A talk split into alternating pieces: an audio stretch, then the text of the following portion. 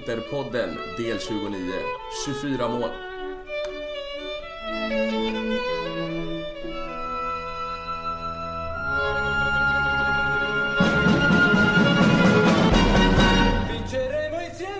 Hej och välkomna till ännu ett avsnitt av Interpodden. Jag heter Sendrak Thiago och idag så ska vi eh, först titta tillbaka på Verona-matchen. Vi kommer dessutom att djupdyka i onsdagens derby och vi kommer dessutom att blicka framåt mot Torino. Och så kommer vi gå igenom våra kära lyssnares frågor. Och med oss har jag på min högra sida Sveriges egna Dan Bilzerian, Mr Bina Lalattar. Välkommen! Första bärsen knäckt. Det är första och andra också. Man jobbar ju på ett sånt Ja. jobb där den knäcks i samband med sista mötet på fredagen. Bra. Kan du hooka ett jobb då? Absolut. Det låter bra.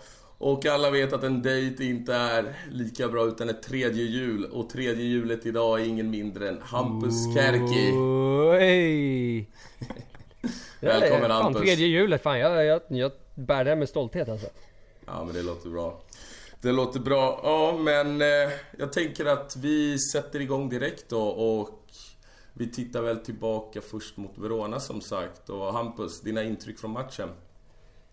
Ja, Verona-matchen var ju, var ju absolut, det var ju myspys på hög nivå där. Alltså bara, bara inledningen med, med Perisic inkast. Och jag satt innan den där matchen och bara alltså Åh, alltså det vore så bra om vi bara liksom fick in en decent start här och att det inte blev en sån här spallmatch där vi liksom får kriga och kämpa så jävla hårt och så tidigt mål vore ju så fint och innan jag ens hade tänka, han tänka klart den tanken så var ju bollen inne liksom. Så matchen mot Hellas Verona är ju, är ju perfekt spelad. Mycket, En mycket, mycket bra match.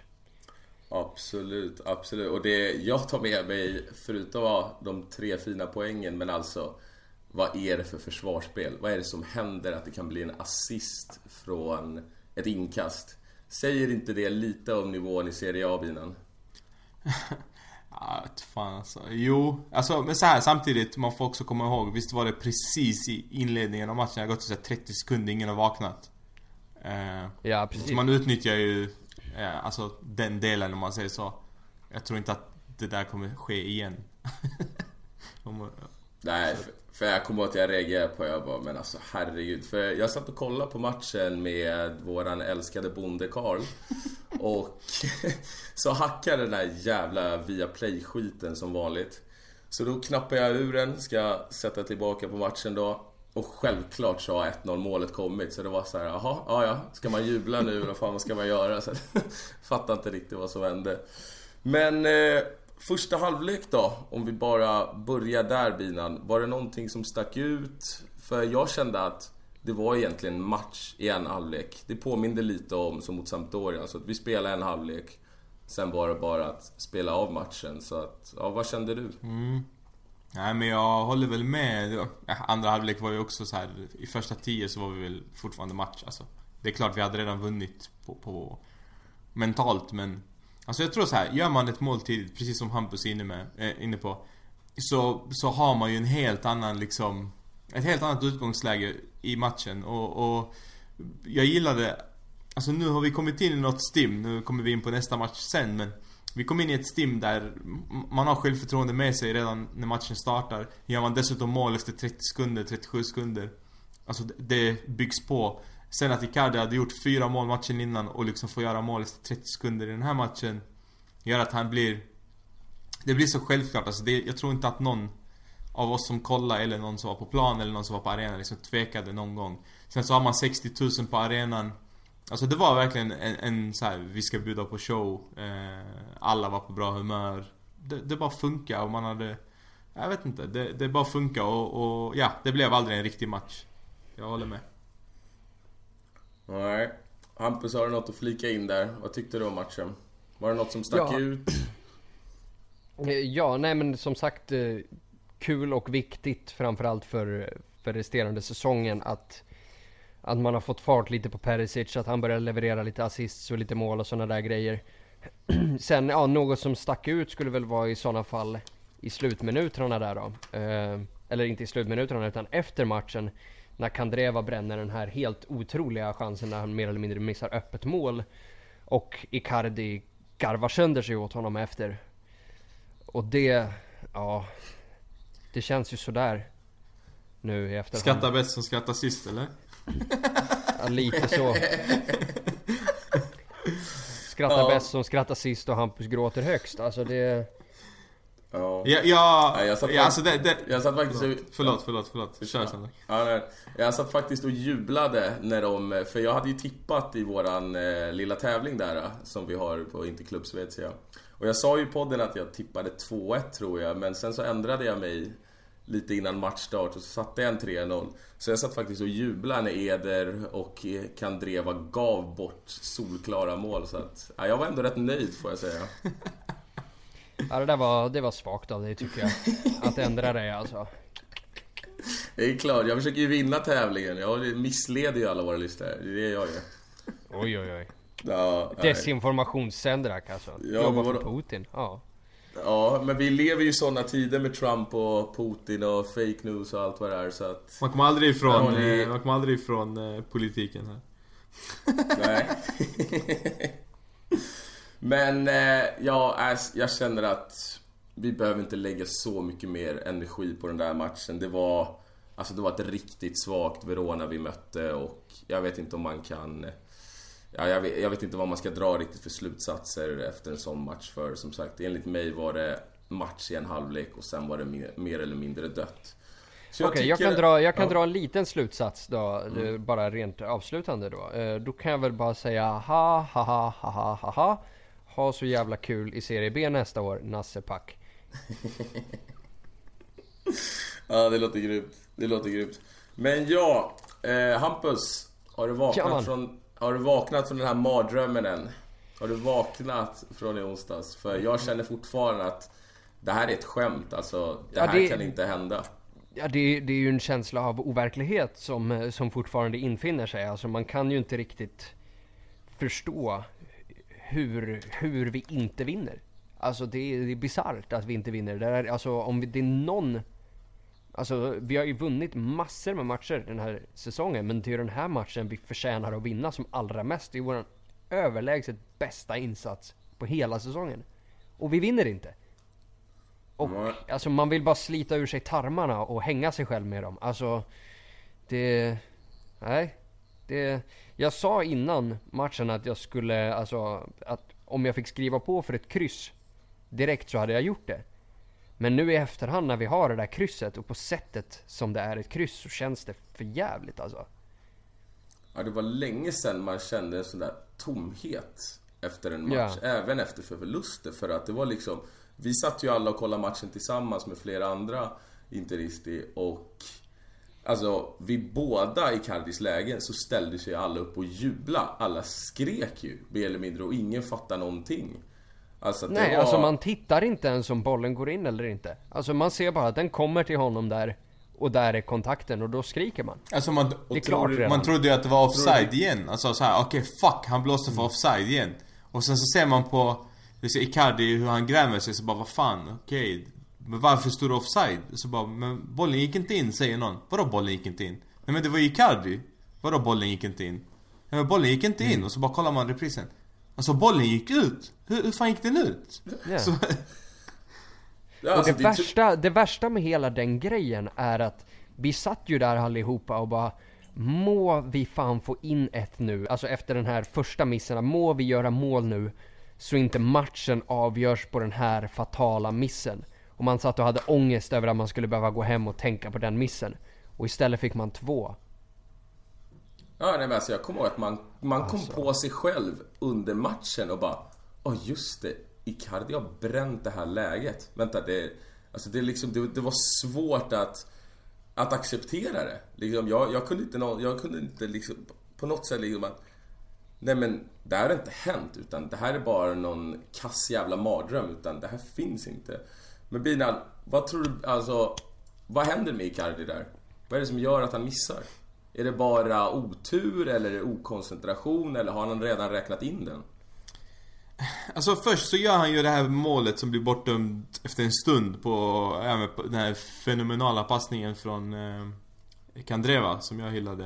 Eh, och, och ja, men, där så firar han och vi firar och alla tror att det är mål och så, så döms det bort efter två minuter efter man har firat. Vilket jag fortfarande är väldigt kritisk till. Eh, trots att det var någon liten offside. Så att det, det låg och hängde i luften och vi, vi fortsatte ju med den höga pressen och ett bra spel och skapade jävligt mycket lägen liksom. Alla var fortfarande på topp. Och sen kommer den här missen. Eh, och nu har jag glömt din fråga helt. Men... eh, Nej men jag menar mer att, alltså... Hade han redan räknat hem det där målet? Precis Nej, som alltså- Distans hade gjort. Alltså vad bidrar till... För Ja, att alltså- vi alla vet ju vilken världsklassavslutare han är. Han är nog bäst i världen på en touch. Alltså han får ju den så här på bak, alltså bakdelen av foten. Så han ska ju peta in den med, alltså med bakre benet eller vad man ska säga. Men han får den lite långt bak så att den får någon konstigt liksom... Eh, eh, Böj där. ja precis, att den går ut. Och, och han... Han känner det direkt för man ser på honom och han bara liksom fattar att det här gick åt helvete. Men ingen av oss fattade liksom. Eh, eh, så att jag vet inte. Jag, jag tror han... Han liksom kan sin kropp så pass bra och kan den här touchen och känslan att han fattade att, att den inte gick in. Men det höll sig ändå. Men, men efter liksom offside-målet som blir bortdömt, eh, han får fira och efter den här missen då är det såklart som fan alltså att, att han själv också men han, han blir besviken och, och Ja, det, jag tror att det är det som, som egentligen gör att vi till slut inte vinner matchen. För att, att nu kanske vi hoppar in på sista, men det här sista läget, alltså Den är ju 300 gånger värre än, än det första. För att det är i minut... Fast den är... ja fast det är i minut i, all, 93. I all ärlighet så är den betydligt svårare också. Alltså jag, jag, jag menar inte på det sättet, jag menar alltså hur fatal den är. Alltså han har ju gått under Mm. jorden, han finns inte på sociala medier och sånt sen det här. Men eh, Hampus, eh, nu tänker jag framförallt på första läget då som man bränner. Alltså är inte det lite dålig speluppfattning utav han att han inte håller i löpningen lite mer? För att han är ju helt ren. Han har alltså bollen framför sig. Han ser ju liksom perfekt var den ska komma. Borde han inte egentligen hålla i löpningen en tiondel och sen bara raka in den? Jo, kanske, men vi pratar ju om millisekunder i beslutsfattningen där. Alltså, det där är ju instinktiva, det är ett instinktivt agerande, vilket det är på precis samma sätt när han faktiskt pangar in 24 stycken också liksom. Så, jag vet inte, alltså att kritisera honom allt för mycket, det är dåligt att missa, absolut, men forwards missar ibland, alla spelare har en off-dag. Det, Alltså det är segt att det är på det här sättet och det är segt att det är mot Milan. Men det är inte the end of the world, så... Ja, men för det som förvånade mig med Icardi, det är att... För jag kommer ihåg att jag sa det till någon, jag kommer inte ihåg exakt vem det var, men under matchen att Icardi är en spelare som, till skillnad från många andra, även när han bränner sådana här lägen, för det har ju hänt innan, det ska vi inte, eller det ska vi inte glömma bort. Men han kommer ju alltid tillbaka starkare. Utan han vill fortsätta ha bollen, han söker sig fortfarande, utan han går inte och gömmer sig som många andra forwards skulle göra efter en sån där miss. Så jag vet inte, jag blev... Eh, nej, det, det, var, det, det var som att se ett spöke av honom. Men om vi skippar eh, målchanserna för stunden. Vad tyckte ni om hans insats på det stora hela? Mm. Alltså jag, Ja, det är bara Ja. Binan, du kan börja. jag ska vara helt ärlig alltså, så tycker jag att han gjorde det bra i hela matchen. Så att sen när han får 4,5 i, i Gazettan så blir jag så här: okej, alltså det är klart han gör alltså, två extrema eh, missar. Och han ska ha kritik för de två missarna. Men samtidigt är det en spelare som har lev- levererat liksom på absolut, alltså toppnivå varenda match fastän han har varit skadad och han har liksom Ja men kommit och gått eller vad man nu ska säga. Liksom. han, han har inte kunnat spela kontinuerligt. Han har haft problem utanför eh, fotbollen och så vidare men han har ändå levererat på plan hela tiden. Så att Och, och sett till liksom hur, hur matchen utspelade sig och hur eh, Jag tycker han var delaktig i hela matchen. Och Efter den här andra missen Eller alltså efter eh, Alltså första tokmissen, alltså efter det bortdömda målet Så tycker jag att han blev, ja men det, det, det tog på honom liksom. Eh, och precis som du säger så brukar han komma tillbaka starkare. Eh, men jag tycker att efter den så kanske han inte var... Ja men, då hade han en dålig period i matchen. Men sen i slutet när det verkligen, okej okay, nu gäller det. Då såg man att han taggade till ordentligt och fattade att ja, men, det här ska avgöras. Alltså vi har varit det bättre laget hela matchen. Vi har liksom eh, haft chanserna. Vi har skapat, alla har spelat väldigt bra förutom Dambrosio. Men alla har spelat väldigt bra. Så nu ska, liksom, Det kommer komma ett till läge och, och då så avgör jag. Och sen så kommer det jävla läget liksom så pass sent. Och han tabbar sig igen. Alltså den, den jag är typ såhär mer rädd för Alltså jag accepterar den men jag är mer rädd för framåt liksom så här. Kommer det påverka honom mer än, än, än bara det här? Det mm. tror jag inte. Och, och Hampus, om vi bortser från missarna då? Hans insats? Ja, nej men det tycker han gör en, gör en strålande match. Alltså, han löper rätt, ligger rätt. Alltså, han får ju inte överdrivet mycket att jobba på, vilket har varit det konstanta problemet hela säsongen. Att alltså om vi säger andra forwards i den här ligan får, alltså han får ju de här, alltså de tre lägena, alltså där han lägger två utanför och en i mål på offside. Det är ju egentligen det enda han får att faktiskt göra någonting aktivt framåt den matchen.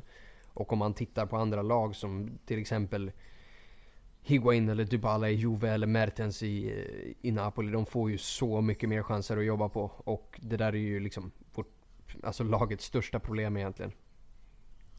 Med detta alltså, sagt så är det ju en briljant laginsats också. Så.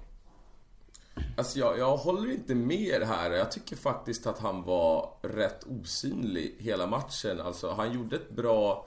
Eller han gjorde en bra insats i försvarsspelet. Alltså, han satte ju första pressen och han stängde ju av Bonuccis, uppspels, eller Bonuccis uppspelsvägar på ett väldigt imponerande sätt.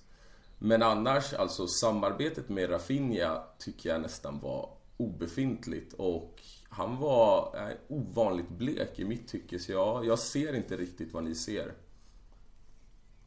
Mm -hmm. Men nej, för eh, alltså som sagt man kan säga att han inte fick mycket att jobba med men samtidigt en forward måste ju skapa ytorna för sina medspelare också och jag tyckte att ja, samarbetet där med Rafinha, det klaffade inte riktigt. Utan det var mer chanserna vi skapade var ju nästan uteslutande på grund av ett väldigt bra pressspel och framförallt en grym insats av Brozovic och Gagliardini. Där de vann det mesta, även Miranda. Men de kommer vi komma in på lite längre fram i avsnittet. Men nej, jag, jag håller inte med där. Jag tyckte att han var ganska blek den här matchen. Men du nämnde ju din eviga antagonist Binan, eh, D'Ambrosio och där håller jag inte heller med dig. För jag tyckte att han gjorde en... Eh, Nej, jag, jag, jag, fattar inte riktigt. Alltså, jag tror att du hatar honom alldeles för mycket för att kunna ge i alla fall en halvt objektiv bedömning. Det, det behöver du inte ens tro, det kan jag bekräfta liksom. okay. Nej men för att första halvlek var Soso ens med i matchen. Och för en gångs skull så tryckte han på på vänsterkanten. Han överlappade. Han hjälpte Perisic. Alltså den kanten var stängd defensivt. Och han kom även upp mer än en gång i offensiven.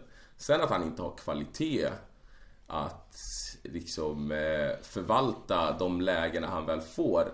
Ja, det är väl en annan femma men att han gjorde en dålig insats, då, då vet du fan vilken match du har tittat på. Nej alltså, i min värld så, och det jag har sagt liksom så många gånger att även fast han kan göra en bra match liksom, vilket jag är helt övertygad om att han kan göra och han har gjort och, eh, så handlar det inte om det utan det handlar om att han är den svaga länken när det kommer till Alltså han är för dålig med bollen. Han är för dålig liksom på, på att fatta rätt beslut eh, och snabbt så att det syns liksom. När han får bollen så är det panik.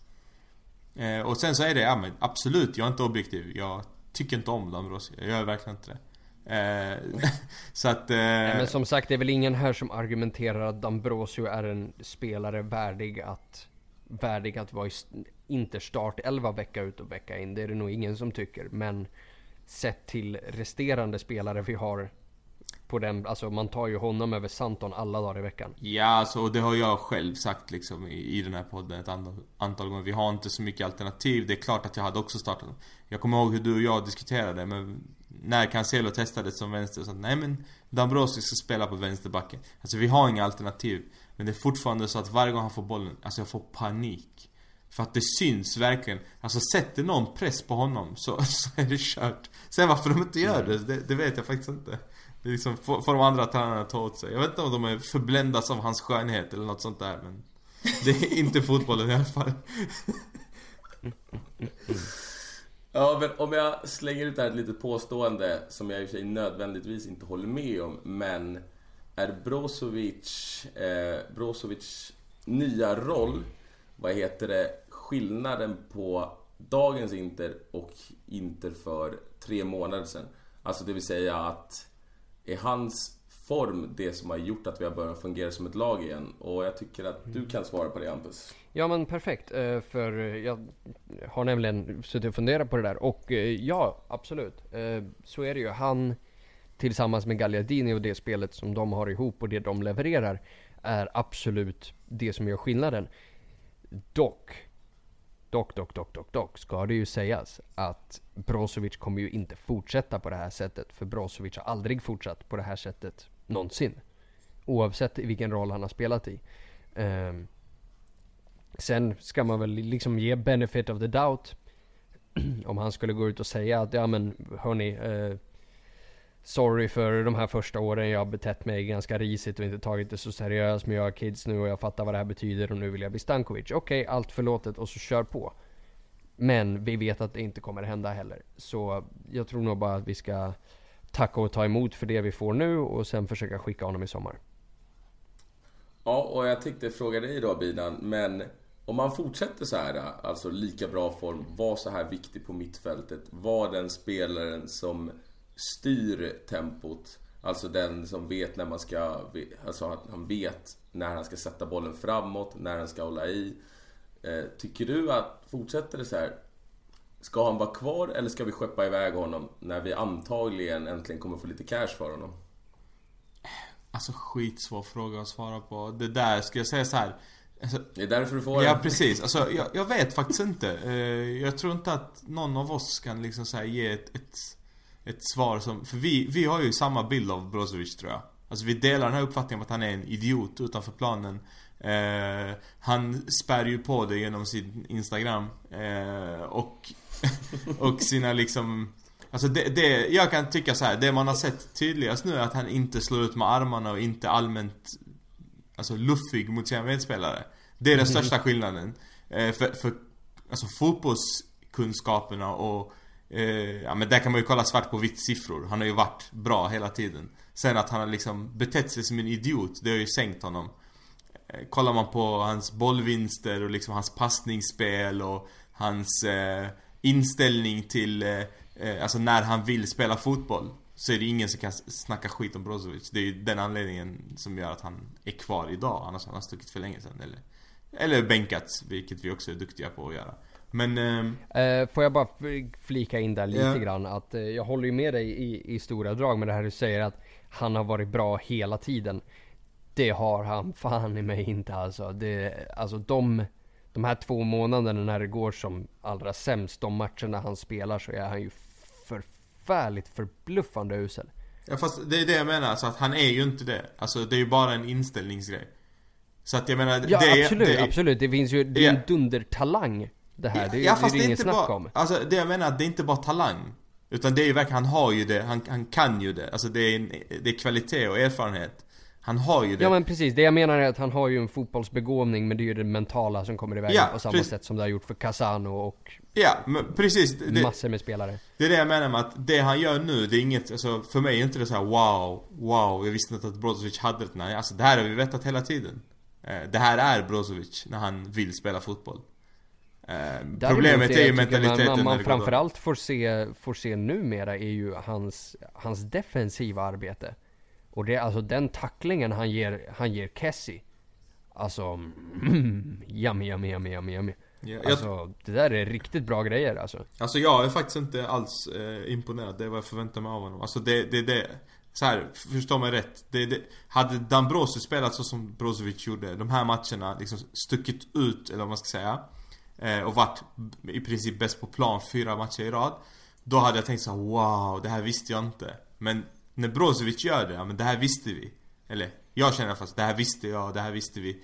Det är bara att han inte har haft rätt fokus, rätt mindset, rätt liksom inställning till, till Ja men till Inter egentligen. Eh, och till Spalletti. Alltså respektera sin tränare. Respektera målet som klubben har den här säsongen. Och så vidare. Nu när han gör det, men då tar han den här extra tacklingen, han tar den extra löpningen. Han slår de här passningarna som kanske Ja men slår han bort den så ser han skämmig ut på, på youtube sen. Jag tror sånt är viktigt för Brozovic. Alltså att, att han släpper på de spärrarna. Eh, för att kollar man på, på highlightsen från matchen och, och kollar på liksom ja, men punktmarkera, vad gjorde Brozovic här? Ja, men han var ju alltså Schneider i den här matchen. Fastän vi förväntar oss det av Rafinha kanske. Så att han slog ju de här passningarna på, på 25-30 meter. Som, äh, de är ganska riskabla eh, om du inte vet vad du gör eller om inte du har den kvaliteten. Men han, har, han besitter den kvaliteten. Så han, och den här alltså nu har han vågat släppa på det. Så så tolkar jag det Sendrak om du... Om, om, om det var svar på frågan. Jag har glömt frågan igen. om, eh, nej, frågan var väl egentligen om du tycker att om han fortsätter på den inslagna vägen, ska han vara kvar eller ska vi skeppa honom nu när han antagligen har dragit upp sitt marknadsvärde? Jaha, var det frågan? Eh, nej men han ska, ja. det vet jag inte. nej, sälj. Nej, vad tycker alltså, du jag... Jag undrar, liksom, för, för du är ändå alltså, jag tycker... och... Ja, men mm. Jag tycker att den här är så jäkla svår. För precis som ni båda är inne på... Det är därför du får alltså, den! Ja, Nej men alltså att Jag har också gått och tänkt på det här nu Framförallt efter derbyt alltså att jag, jag vet verkligen inte men en spelare som alltid faller tillbaka i samma mönster Som han upp, alltså uppenbarligen har gjort Att han presterar riktigt bra i några matcher Sen är han urkass i många fler matcher och jag tror inte att det där är någonting som går att tvätta ur utan det där är bara en del utav hans personlighet. Så jag säger skeppa så fort vi får chansen. Och det svider för att han är ju en, alltså killen kan ju allt egentligen. Alltså han besitter egentligen allting man vill ha utav en mittfältare. Alltså hans andra halvlek, sättet hur han öppnar upp vad heter det, ytorna, framförallt på kanterna med sina längre passningar. Det, det gav oss otroliga övertag, framförallt ut till Perisic. Men, Sen att han... Ja. ja. Alltså det, det slog mig precis här.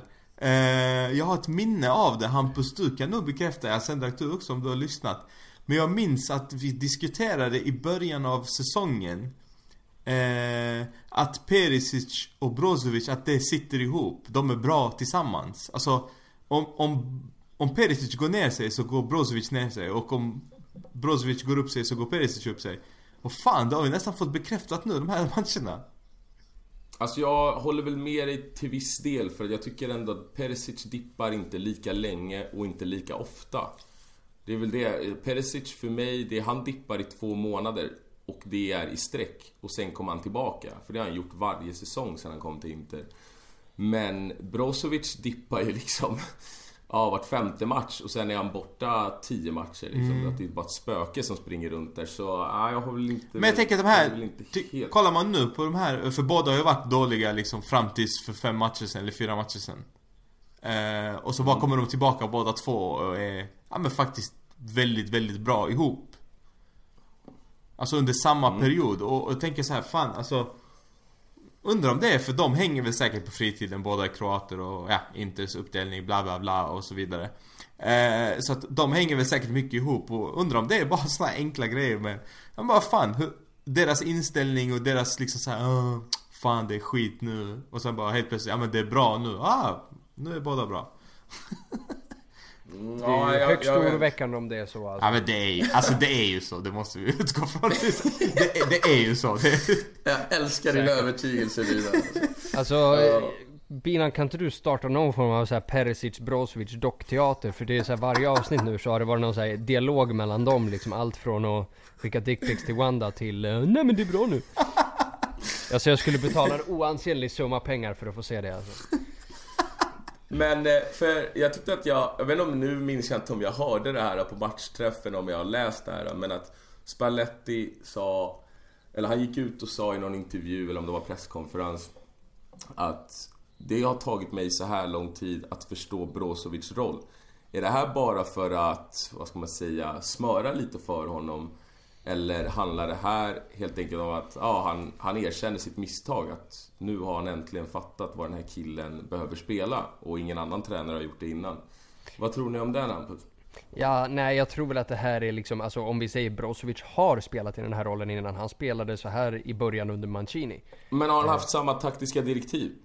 Det, det är ju frågan alltså, då har han ju spelat längre ner i, i vad som då var tre manna mittfält och nu är det väl liksom mer två manna mittfält med Rafinha framför då. Men jag tror ändå att det här är en del av eh, Spalletti, alltså Spalletti greasade ju upp sina spelare ordentligt efter den här matchen. I och med att han sågade sönder dem efter Napoli och nu efter den här matchen sa att även fast vi inte vinner så liksom att, det har, att han har sagt från början att vi vinner men vi spelar inte bra fotboll och idag spelade vi otroligt bra fotboll och de här grabbarna är grymma liksom.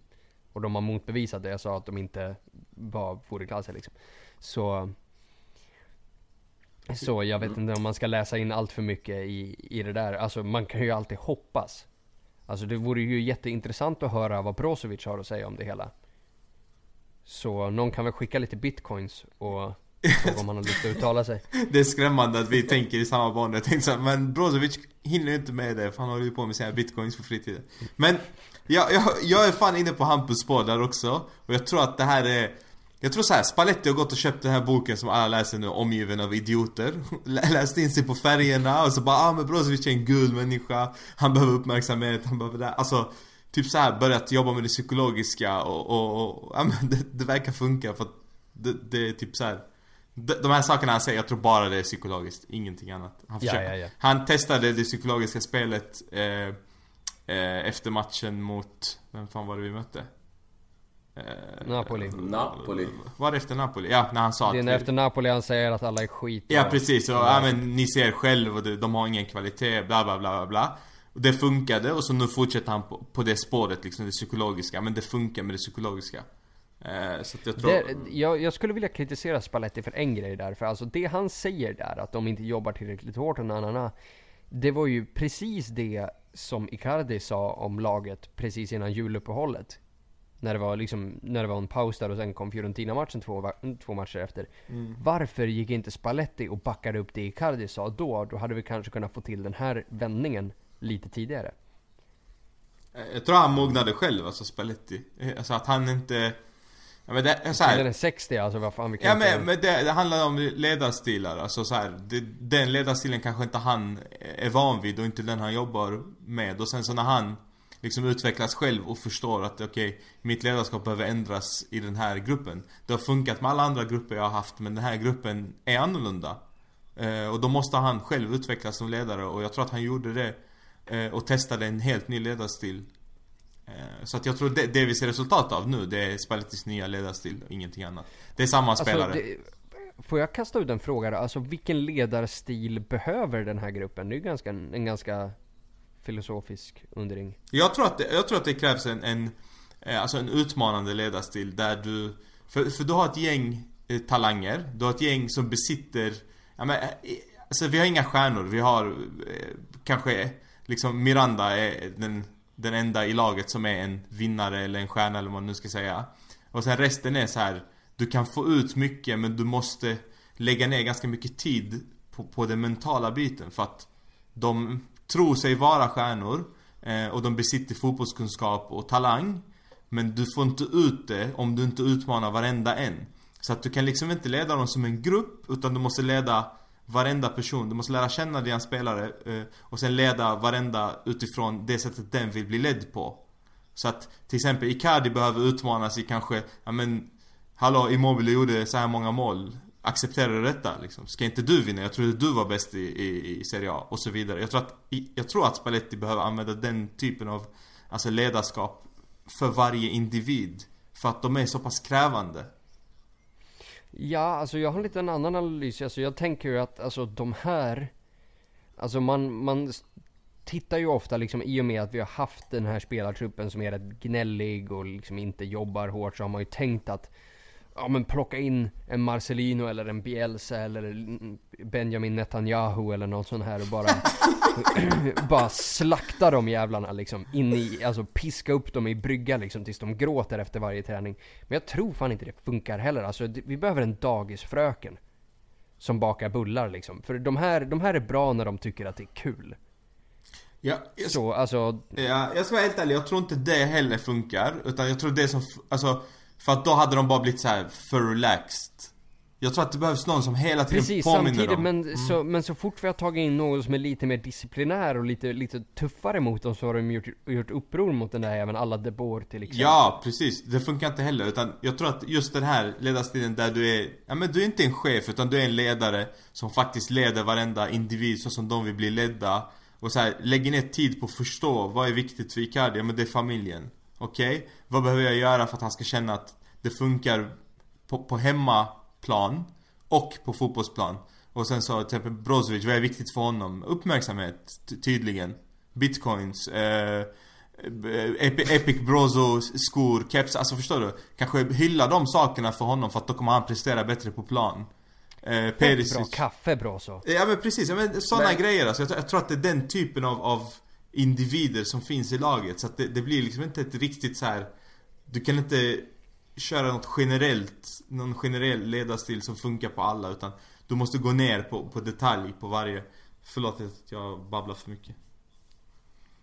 Nej, kör på. Men om jag säger så här då. Vi släpper Broso för den här gången och vi eh, kommer tillbaka till Spalletti för att det är en grej jag ville komma tillbaka till. Men innan dess, jag tänkte att vi eh, ska ta ut vår Man of the Match. Och jag säger solklart i min bok Miranda. Håller ni med mig eller har ni ett eget förslag? Vi kan börja med dig Hampus. Vad tyckte du? Eh, ja, eh, jag tänker nämna två spelare här specifikt och en Du får av bara dem nämna är... en. Va? Du får bara nämna en. Eh, Okej, ja men eh, då kommer jag, då kommer jag eh, lägga min eh, nästan man of the match. Men jag vill fortfarande lyfta upp Jao Cancelo lite grann. För att jag brann till på honom ordentligt under matchträffen och skrek åt binan Vad fan ser du i den här idioten? Och, eh, och det var ju... Varpå du fick en del skit.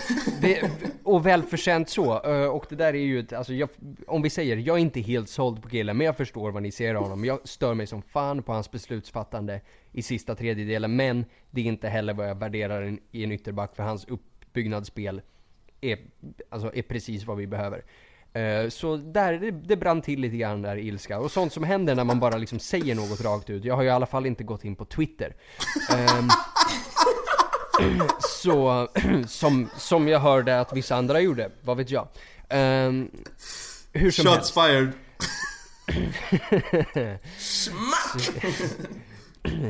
Jajamän.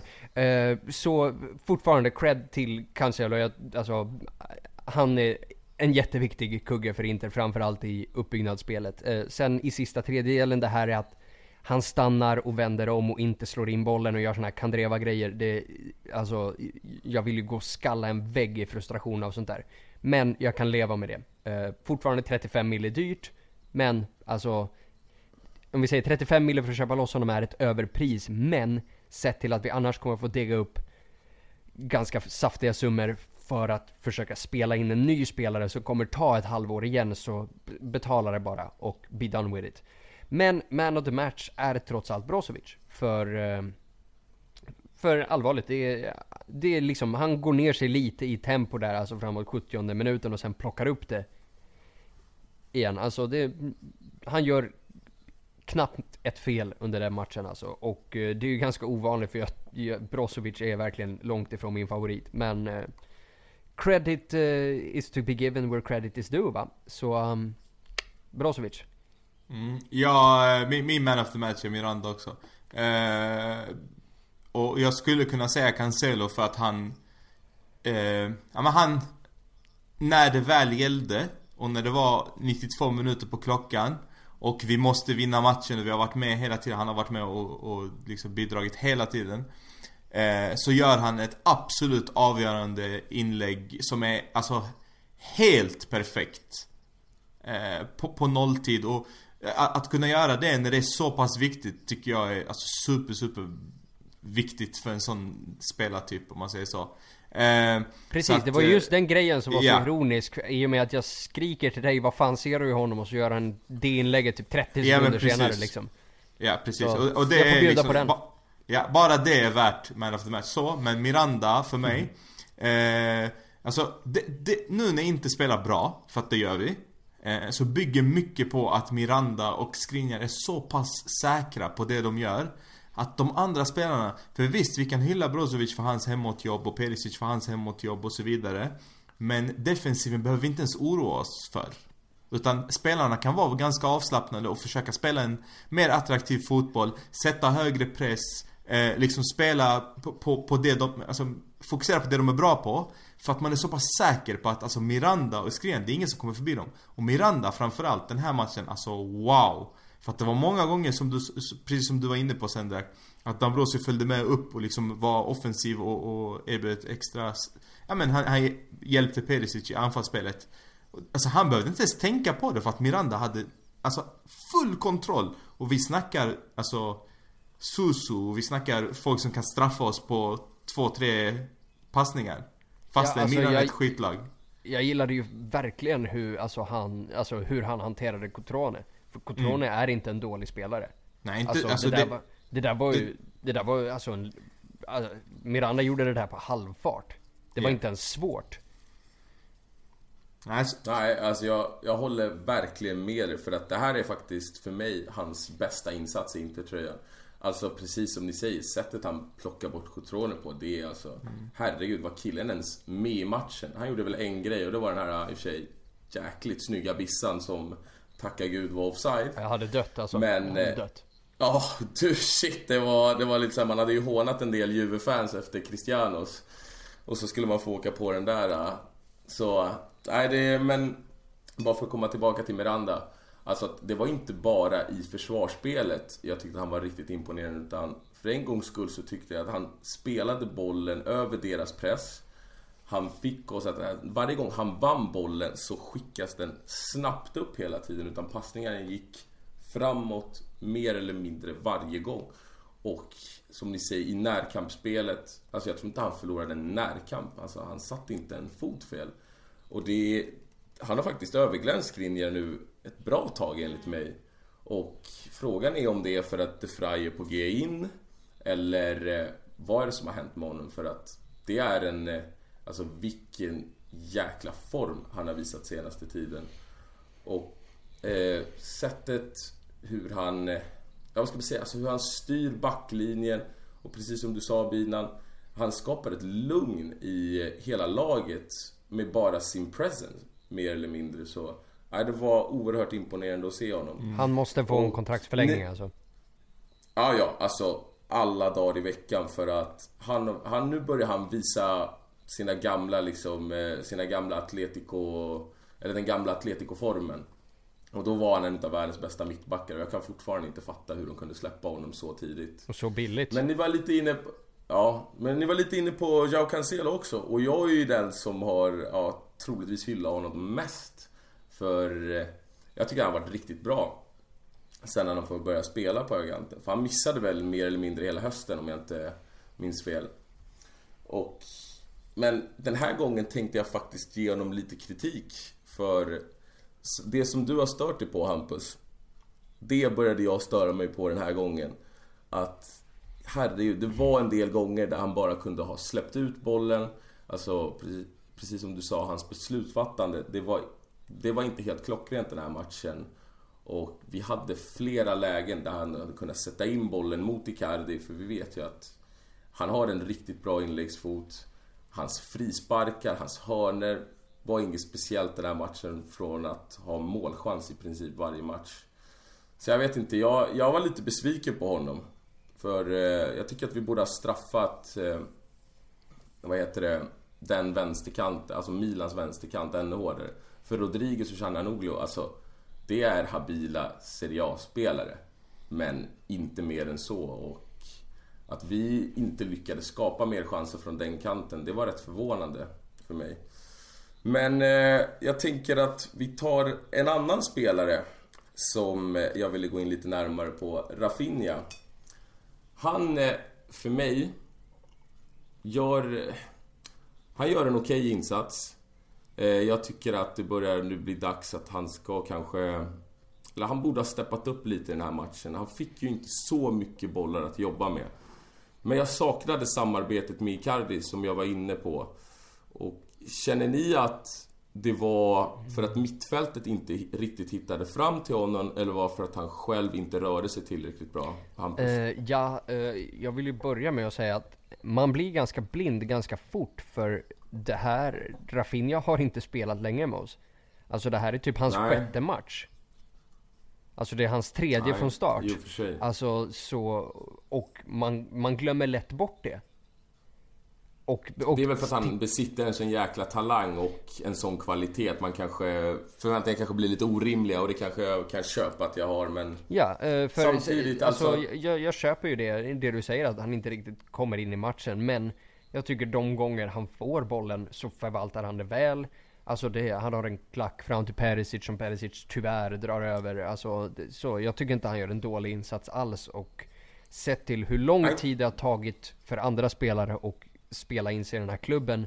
Och hur många matcher och hur lång tid det har gått för andra spelare som har varit här i flera säsonger eller kom i somras till Albert. Som fortfarande inte klarar av att springa ordentligt. Alltså, så nej, jag, jag, jag, tycker verkligen om Rafinha alltså. Det... Men borde vi inte kunna straffat Milan hårdare med tanke på att nu saknade de Bilja, alltså deras ankare på mittfältet. De har ju Montelio där som är lika snabb som en kona mer eller mindre. Mm. Alltså att... Alltså att jag tycker att där var någonting, för det vi gjorde väldigt bra det var att få ut bollen på kanten väldigt snabbt. Att vi spelade väl, alltså vi spelade ju knappt på innermittfältet kändes som, utan bollen kom väldigt snabbt ut på kanterna. Men där hoppades jag att Spalletti skulle identifiera liksom att den ytan kommer inte vara stängd, utan där borde han kunna operera ganska fritt. Eller Binan, är jag helt ute och cyklar där? Nej, alltså jag håller med att, att han inte kom upp i liksom eh, den nivån man är van vid om man säger så. Eller, inte van vid, det ska jag inte heller säga, det, det är att straffa honom. Men det är ju en spelare som man förväntar sig väldigt, väldigt mycket av. Speciellt av det han har visat liksom. Eh, och man förväntar sig kanske lite mer och precis som jag var inne på innan så blev det mer Brozovic som fick lägga de här eh, ja men öppnande passningarna och fördela bollarna liksom eh, på ett sätt som jag var inne på att Schneider eh, är känd för i Inter liksom. Eh, men det är väl mer Rafinha som, som har den rollen på planen. Eh, och jag tycker själv inte att han kom upp i den eh, i just den här matchen. Så att... Eh, nej, för, nej, för jag tycker att alltså, där, där fanns det verkligen ett läge att liksom vi kommer kunna spela oss förbi deras press och vi kommer kunna hitta den där Alltså som man kallar det genombrottsfasen, alltså den sista tredjedelen egentligen där den avgörande passningen kommer, eller skottet kommer. Och jag vet inte, där, där var en av de få missarna Spalletti gjorde. Men en annan, mycket större miss och det var att byta in våran älskade köttbulle Eder. Alltså vad i helvete håller han på med? Varför får den här killen fortsatt förtroende? Det är vidrigt, Vad är det alltså. han har gjort? Alltså, Nej men alltså, ja. liksom, kan, ni, kan någon av er förklara för mig vad i helvete Spalletti håller på med i det där läget? Alltså vi är på väg att vinna matchen. Och han dödar ju med, mer eller mindre chansen att ta tre poäng. Alltså jag lovar att det är något av det mest ologiska eh, jag någonsin har sett. Alltså fastän det Alltså, det spelar ingen roll att han är anfallare på papper. Alltså killen har ju inte ens presterat mot skitlag. Varför skulle han komma in i ett derby och göra skillnad? Jag fattar inte. Alltså jag, jag får inte in det i mitt huvud. Om vi är där för att vinna matchen och, och allting går vår väg och, och liksom vi äger matchen och Alltså ta in någon som tillför någonting eller gör inget byte. Och någon som tillför någonting, okej, okay, vår bänk är väldigt svag. Det, det måste vi liksom så här inse. Men den spelaren som har ändå imponerat på oss alla när han har fått chansen, det är ju Karamo. Och en sån här match så, så fattar jag inte liksom Det är väl det som skulle vara någonting annorlunda och Ja men bryta liksom dödläget eller vad man nu ska säga för att det hängde ju i luften. Mm. Det, är inte, det är inte Eder som kommer komma in och göra Eder kommer komma in och förstöra. Det är vad han kommer göra. Så att, ja, jag fattar inte. Finns det någon klausul i hans kontrakt? Står det att han måste bli inbytt varje match? Vad, vad är det frågan om? Mm. Och innan jag låter dig hoppa på, på den här frågan Hampus, så tänkte jag bara flika in att det enda jag kan tänka mig egentligen, det är att han försöker hålla någon viss typ av harmoni i gruppen. Alltså att Eder kanske är en ganska stark röst i omklädningsrummet. Men det är det enda jag kan tänka mig. Alltså annars finns det inget annat. För det är direkt tjänstefel att byta in det där jävla aset mm. i det läget. Ja, nej alltså. Det, jag har inte så mycket att tillägga på det svaret som, som Binan har gett redan. Mer än att alltså, det, det är helt oförståeligt, helt omöjligt att försvara och eh, det var länge sedan jag tyckte så jävla illa om en spelare i det här laget som den där jävla feta sopan. Ja, tjockiskommentarer. ja, men eh, och nu när vi ändå är inne på byten då. Valero-bytet, för där vill jag minnas att ni två hade olika åsikter. Eh, jag personligen, och jag tänker inte utveckla mitt svar än i alla fall, jag tänkte låta er ta den först. Men jag tyckte det var ett bra byte. Binan, du hade hellre sett Vesino i det läget. Yeah. Har jag, minns jag rätt? Ja, det stämmer bra. Alltså, eh, en match där vi spelar snabb fotboll och, och jag tycker så här. Det vi har haft med oss nu de här matcherna som, som vi har spelat bra Det är att vi har börjat bli eh, mycket piggare, mycket mer Liksom spela på marken, spela snabbt, eh, ja men tempo eh, och, mm. och för mig, tempo och Valero 2018 går inte ihop Och Valero byter jag in om jag ska lugna ner spelet Om vi leder med 2-0 och liksom de andra börjar komma in i matchen eller någonting, ja men då tar jag in Valero. Han, han kan ta hand om bollen, han kan tänka innan han slår en passning och så vidare. Men inte när du jagar mål. Alltså det, det, det är att backa, det är inte att gå framåt. Det, det är, så, så, i min värld så tycker jag att Gör jag ett byte där så byter jag in Vesino för att han har ändå en, en Han har den här snabba sydamerikanska spelstilen eh, Som passar ganska bra in i en sån här matchbild, tycker jag så att det är också ett jättekonstigt byte för mig. Och, och, när han väl kom in så såg man ju det. Det gick ju... Alltså, han försökte ju hänga med i tempot men han gör ju inte det tyvärr. Uh, ja, om jag ska fylla på det där. Uh, jag håller ju med om Binans analys av, eh, av Valero. Men eh, så som Vesino har spelat senaste tiden, alltså senaste gångerna man har sett honom så har han ju varit alltså en rudimentär fotbollsspelare.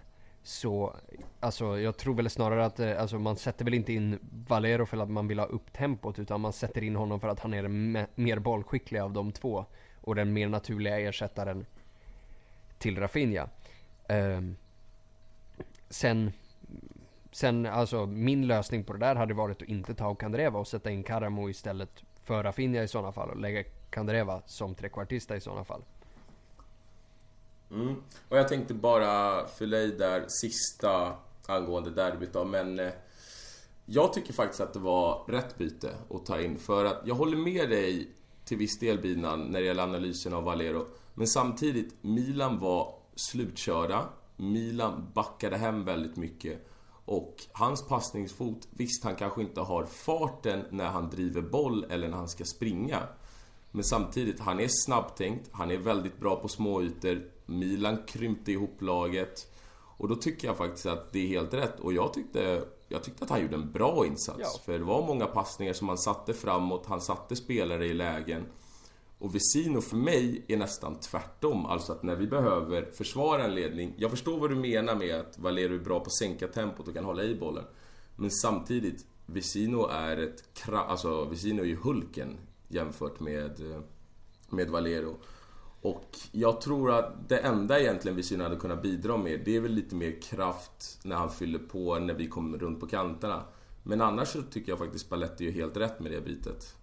Mm. Men eh, jag tycker att vi har gått igenom Milan-matchen, vi har gått igenom Icardis missar och bara for the record för alla er Icardi-hatare. Icardi får ta på sig den här. Alltså det är tyvärr han som slänger bort tre poäng. Men det vi ska komma ihåg är att den enda anledningen till att vi egentligen har chans till Champions League, det är också Icardi. Så glöm inte det, era äckliga hatare. Ja. Och med det så tänkte jag vi kör en kort liten preview till helgens match. Får jag, får jag bara lägga Torin. en sista kommentar om derbyt där? Man vet att ja. vi har gjort en bra match när Gattuso går ut och erkänner att de inte förtjänade en poäng och att vi spelade ut dem. Och faktiskt, om jag hade haft en, haft en hatt hade jag lyft den för respekt för Gattuso. Det var ärligt. Ja, faktiskt. Han fick lite extra pluspoäng hos mig också efter, ett, så, efter med. den intervjun. Jag håller med. Ja. Men eh, Torino då? Ett lag som egentligen inte har någonting att spela för. Påminner väl lite om vad Sampdoria är i dagsläget förutom att de kanske har, ja de har ju Europa att spela för. Men samtidigt, tror ni inte att Tori- Torino har checkat ut och borde vi inte kunna beta av den här matchen ganska komfortabelt ändå? Ja, de har väl hängt fyra mål i båda sina två senaste matcher tror jag. Jo men jag känner alltså att de har ju inte så jäkla mycket att spela för och nu när det kommer ett supertaggat Inter, kommer de orka liksom? Alltså kommer de verkligen orka ta i hela vägen? För som sagt, det har man ju sett i alla ligor egentligen, att när ett lag inte har någonting längre och när det börjar närma sig slutet av säsongen, då brukar de checka ut. Ja, det är möjligt. Det skulle väl vara om Milanistan Belotti känner att nu är det dags att smacka in ett hattrick här för att trissa upp attraktiviteten på marknaden och kanske göra en smutsflytt till, eh, till Milan i sommar då. I sådana fall. Men eh, som sagt, alltså så som vi spelade mot Milan, alltså Torino, Atalanta, sådana här lag. Om vi kommer och spelar på exakt samma sätt så krossar vi dem. Alltså det blir, det är Sampdoria-siffror igen om vi spelar så här. Ja. Och det är väl det man är rädd för att... att vi kommer... eh, Ja, man, vi får ju se hur det är. För det här var ju trots allt... Säga om man vill att vi spelar riktigt bra, men det är ju trots allt två tappade poäng och inte en vunnen. Så vad känner du Binan? Nej men det är precis som... Eh, alltså det är en match vi ska vinna bara. Eh, det som kan ställa till det för oss att det är Matsari. Att han har någon, att, att han eldar upp dem lite extra liksom. För att han hatar Inter misstänker jag. Eh, och sen får vi hoppas på att det regnar. Men... Eh, de har ju också eh, Niang eh, skadad. Eh, eller ja, genomgår någonting. Så att han spela. avstängd. Rincon avstängd. Men ja, Belotti gjorde hattrick mot Crotone så man vet aldrig. Men absolut, vi, de har inget att spela för så. Mer än att det är inte de möter så att...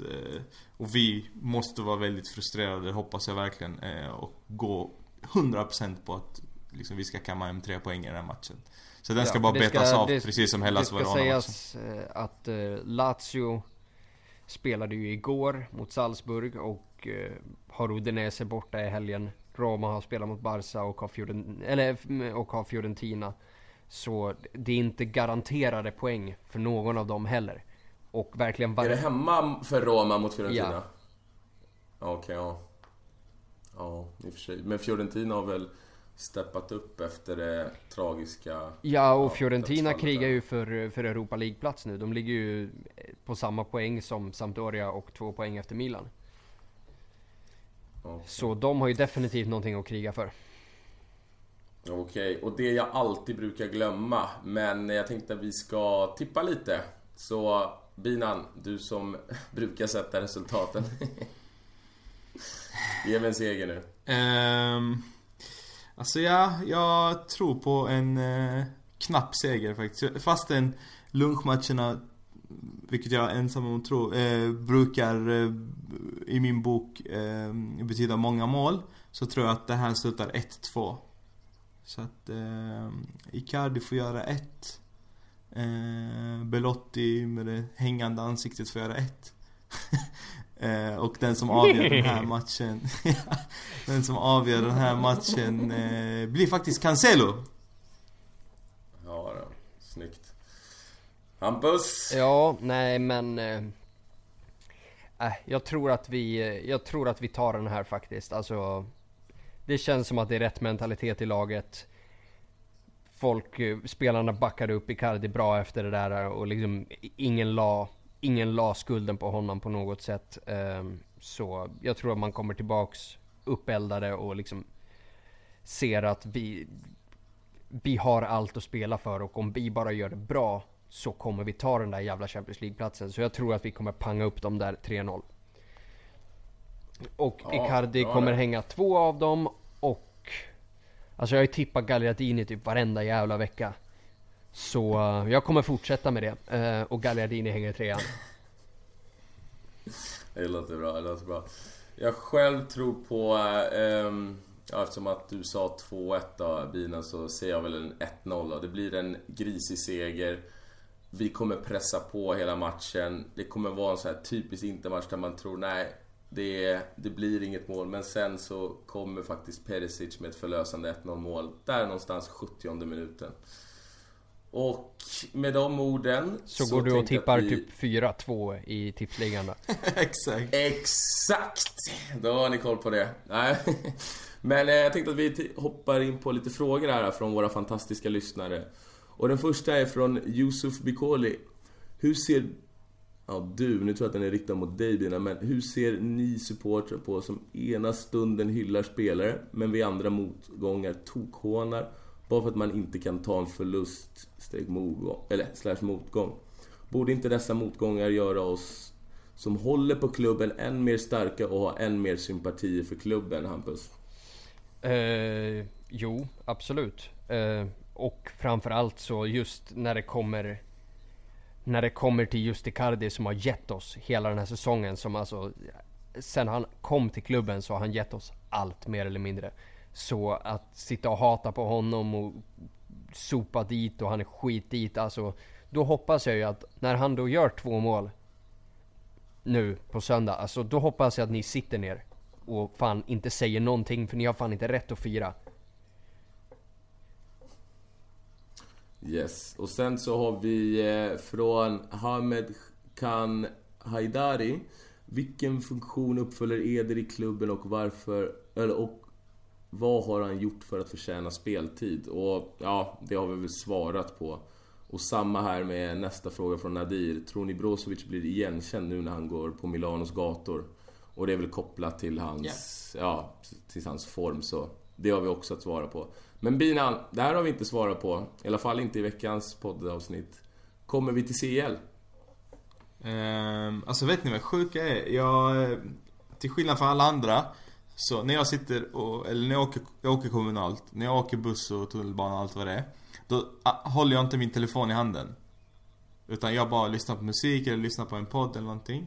Eh, varför det nu var intressant. Men, då eh, i morse så, nej men i morse så, eh, så lyssnade jag på musik och då kommer man in i liksom tankar och så vidare. Och då så fick jag en jävla adrenalinkick. Så jag ville ta upp telefonen och skriva till er men jag ville samtidigt inte ta upp telefonen.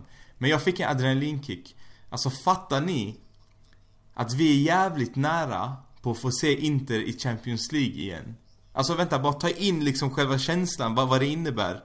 Och det är den här känslan jag vill att, alltså, Spalletti ska förmedla till spelarna. Speciellt de som inte har upplevt Champions League. Alltså spelat det. Alltså vi är nära Champions League på riktigt. Det är nästan så att man kan liksom ta in det och förstå att vi kommer spela i Champions League. Nästa år när det lottas Champions League, då sitter Zanetti liksom och, och representerar Inter. Han lottar inte åt några andra. Och, och så kommer vi, ja men på tisdag, onsdag liksom vara kickade och... Alltså, ah! Alltså det, det är så Då kommer vi få sitta på tisdagar och onsdagar och få pitt av Real Madrid. Ja men det spelar liksom ingen roll. Nej det visst gör det. Man skiter Nej för då alltså. möter vi Real Madrid i en riktig yeah. match. Alltså bara de här sakerna, jag har saknat dem så fucking mycket. Och vi är så jävla nära. Så att mm. ja, idag kände jag för första gången att ja, vi kommer spela Champions League. Och gör vi inte det, alltså då vet jag inte vad jag gör. För att så här jobbigt, alltså när man föreställer sig någonting så här mycket så, så kommer det vara svårt att, att liksom jag kommer ta det hårdare än de andra åren. För att nu förväntar jag mig det. Ja, alltså jag... Nu blev jag skitnervös nu när du kom med det här svaret. Nu, så här, nu fick jag ju nästan gåshud. Bara shit, tänk att få se Inter igen i Champions League. För jag har ju en Liverpool-polare här som trackade mig för att jag inte kollade matchen mot City. Och jag var så jävla bitter efter derbyt. Så jag har liksom varit... Och nu, han skrev till mig idag också så här, Har du kollat highlights? Jag bara, nej jag har inte kollat några jävla highlights. Jag skiter i den där jävla luffarturneringen. Mm. Så jag vet inte, det... Nej, jag, jag skippar den frågan. Men eh, vem tror ni blir nya sportchefen? Och ja, jag kan väl börja med den, men jag känner att det är egentligen omöjligt att säga om. Och vad jag vet så har det väl knappt ryktats om någon förutom kanske en återkomst för Branca eller Orali eller... Ja, jag, så jag vet inte, vill ni fylla i, eller ja, vill... Vill ni komma med något? Ja, alltså... Så känner ni, alltså... Har det ryktats om, är det något jag har missat här eller? Jag, jag kan bara säga så här, alltså vi har, vi har ju en sportchef. Så att alltså, mm. nya sportchefer, nej vi har ingen öppen position för en sportchef. Eh, utan det skulle nej, vara i så fall okay. någon direktör ovanför eh, ja, men om vi tänker ersätta Sabatini då, för det är väl det han syftar ja, på. Precis. Från Habib eh, ba, Baftia. Ja. Sorry om jag slaktade ditt namn Habib. Eh, jag tror inte att någon kommer ersätta Sabatini. Eh, alltså så. Och, om de gör det så tror jag inte att det kommer vara på, eh, alltså i samma form om man säger så här Att inkopplad i och Inter och så vidare. För det är bara jättekonstigt. Men... Okej, okay, men då släng... Yeah. Ja, då får ni en följdfråga här då. Vill ni ha en ersättare till Sabatini eller litar vi på Ausilio? Nej. Nej, jag litar... Hampus, du... Ja, okej. Okay. Mm. Uh, nej, nej alltså, alltså uh, vi, vi litar ju absolut inte på, på Ausilio. Det, det, det gör vi inte. Alltså, sen att Ausilio aldrig gör rätt, det säger jag inte heller. Men, men det är lite rysk roulette när han, när han signar spelare alltså. Så. Även när han har signat Martinez och De Frey binan? Uh, är du fortfarande lika, lika säker på hans... Nej men jag, jag, ja. jag, alltså jag tror så här. jag tror att det är nyttigt att ha någon Alltså organisatoriskt ovanför Ausilio. Sen om det är vår VD eller om det, alltså om det är någon som redan finns Alltså rollen finns i klubben men Att någon kanske ja, men kan styra honom rätt. För han gör ju obviously bra saker men han gör också dåliga saker. Vilket alla människor gör. Men han kanske har gjort i ett väldigt pressat läge lite för många dåliga saker och då syftar jag mest på försäljningar. Så att det hade ju varit bra om någon kan styra honom eller coacha honom eller ja, men få honom att, att prestera bättre på både att köpa in och att sälja spelare. För att vi är i ett ekonomiskt pressat läge och, och då är liksom varenda affär ganska viktig. Eller väldigt viktig skulle jag säga. Eh, Om att... vi skulle säga så här att jag skulle nog inte vilja ha en direkt ersättare till Sabatini för det Sabatini gör att Sabatini är ju ändå koordinator för Sunning Sportkoncern.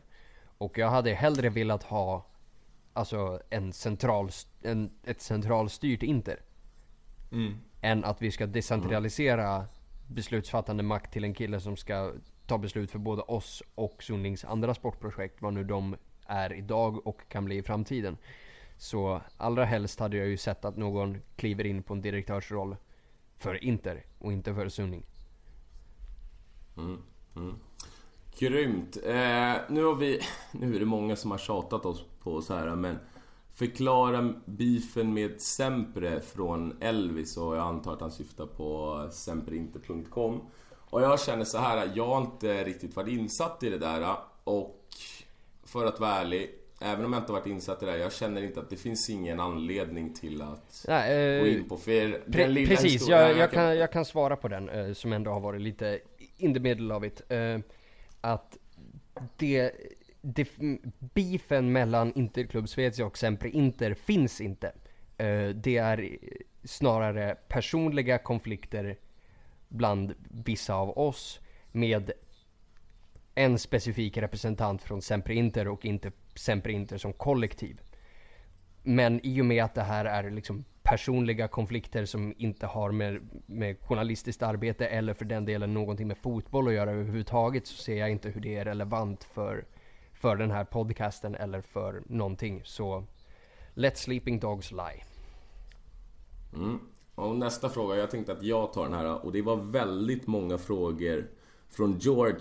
Eh, men vad förbättrats sista tiden med vårt spel? Vad beror det på? Har våra kanter vaknat till liv?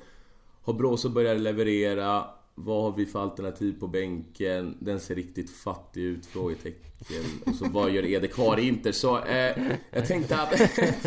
eh, ja, eh, börjar med en då. Men vad förbättrar sista tiden med vårt spel? Och man brukar ju prata om olika faser när man har bollen. Det är ju först uppspelsfas, sen är det etableringsfas, sen har du genombrottsfasen och sen har du avslutsfasen. Och den stora skillnaden för mig, det är i etableringsfasen, alltså oftast när man har fått upp bollen till mittfältet. När man ska försöka etablera ett spel. Och där handlar det till stor del om att vi sätter bollen framåt mycket mer. Utan för tidigare var det att bollen spelades runt väldigt mycket, den kom tillbaka ner till backlinjen. Som jag tror du sa Hampus, att det spelas från mittback till ytterback till mittback och sen ja, håller det på fram och tillbaka där. Så framförallt är det att passningarna går framåt. Vi spelar mycket mer direkt. Och eh, vad mer var det jag tänkte här nu? Att eh, då, dessutom pressspelet Precis som vi visade upp i början av säsongen Nu pressar hela laget tillsammans. Utan det är inte bara anfallet som kliver upp i press.